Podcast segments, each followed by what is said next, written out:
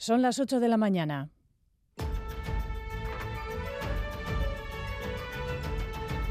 Crónica de Euskadi con Aichiber Bilbao.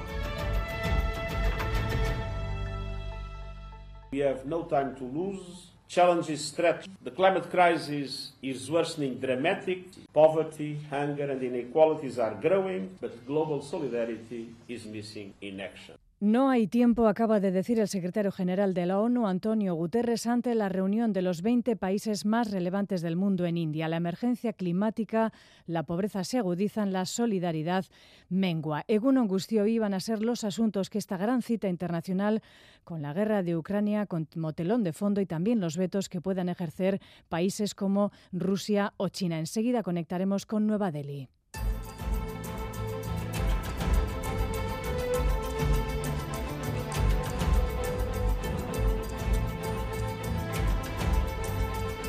Y la tierra ha vuelto a temblar muy cerca además de la península ibérica, en Marruecos, en el suroeste de Marrakech. Esta noche se ha registrado un terremoto de gran magnitud que se ha sentido en todo el país e incluso en varias provincias de Andalucía.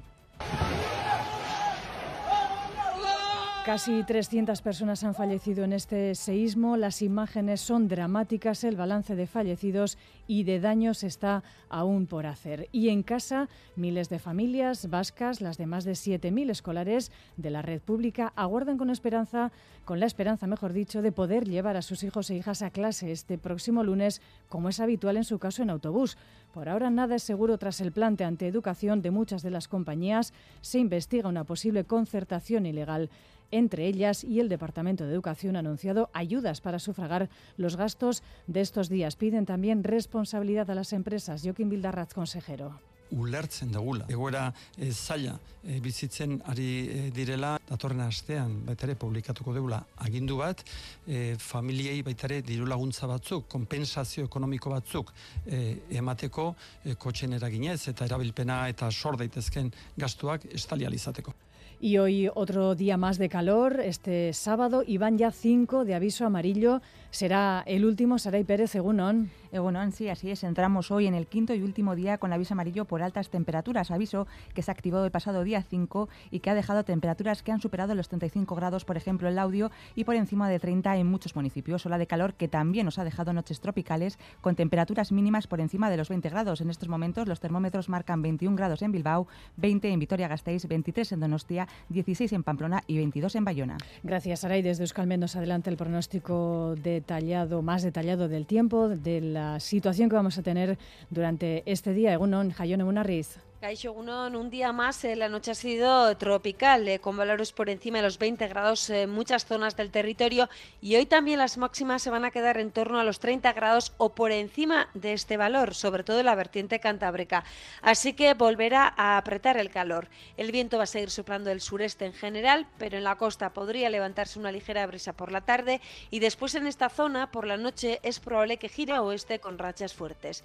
Por lo demás, ambiente soleado, pero el tiempo se mantiene tendrá algo inestable. Por tanto, durante la segunda mitad del día irán apareciendo algunas nubes de evolución que podrían dejar algunas tormentas, sobre todo durante la noche, y no se descarta que localmente sean intensas. John Zubieta Gunón, ¿por dónde va a discurrir la actualidad del deporte en esta jornada? Eh, Gunón, empezamos hablando de remo porque estamos a un día para que se celebre la segunda jornada de la concha y la emoción es máxima tanto en categoría femenina como masculina, ya que las embarcaciones están en un pañuelo. Hablamos de la Vuelta a España porque hoy va a discurrir por tierras euskaldunes con la llegada a Larra Belagua. Ayer, el nuevo recital del equipo Jumbo que colocó en el podio a Vingegaard, Kus y Roglic. Mikel Landa es séptimo en la general.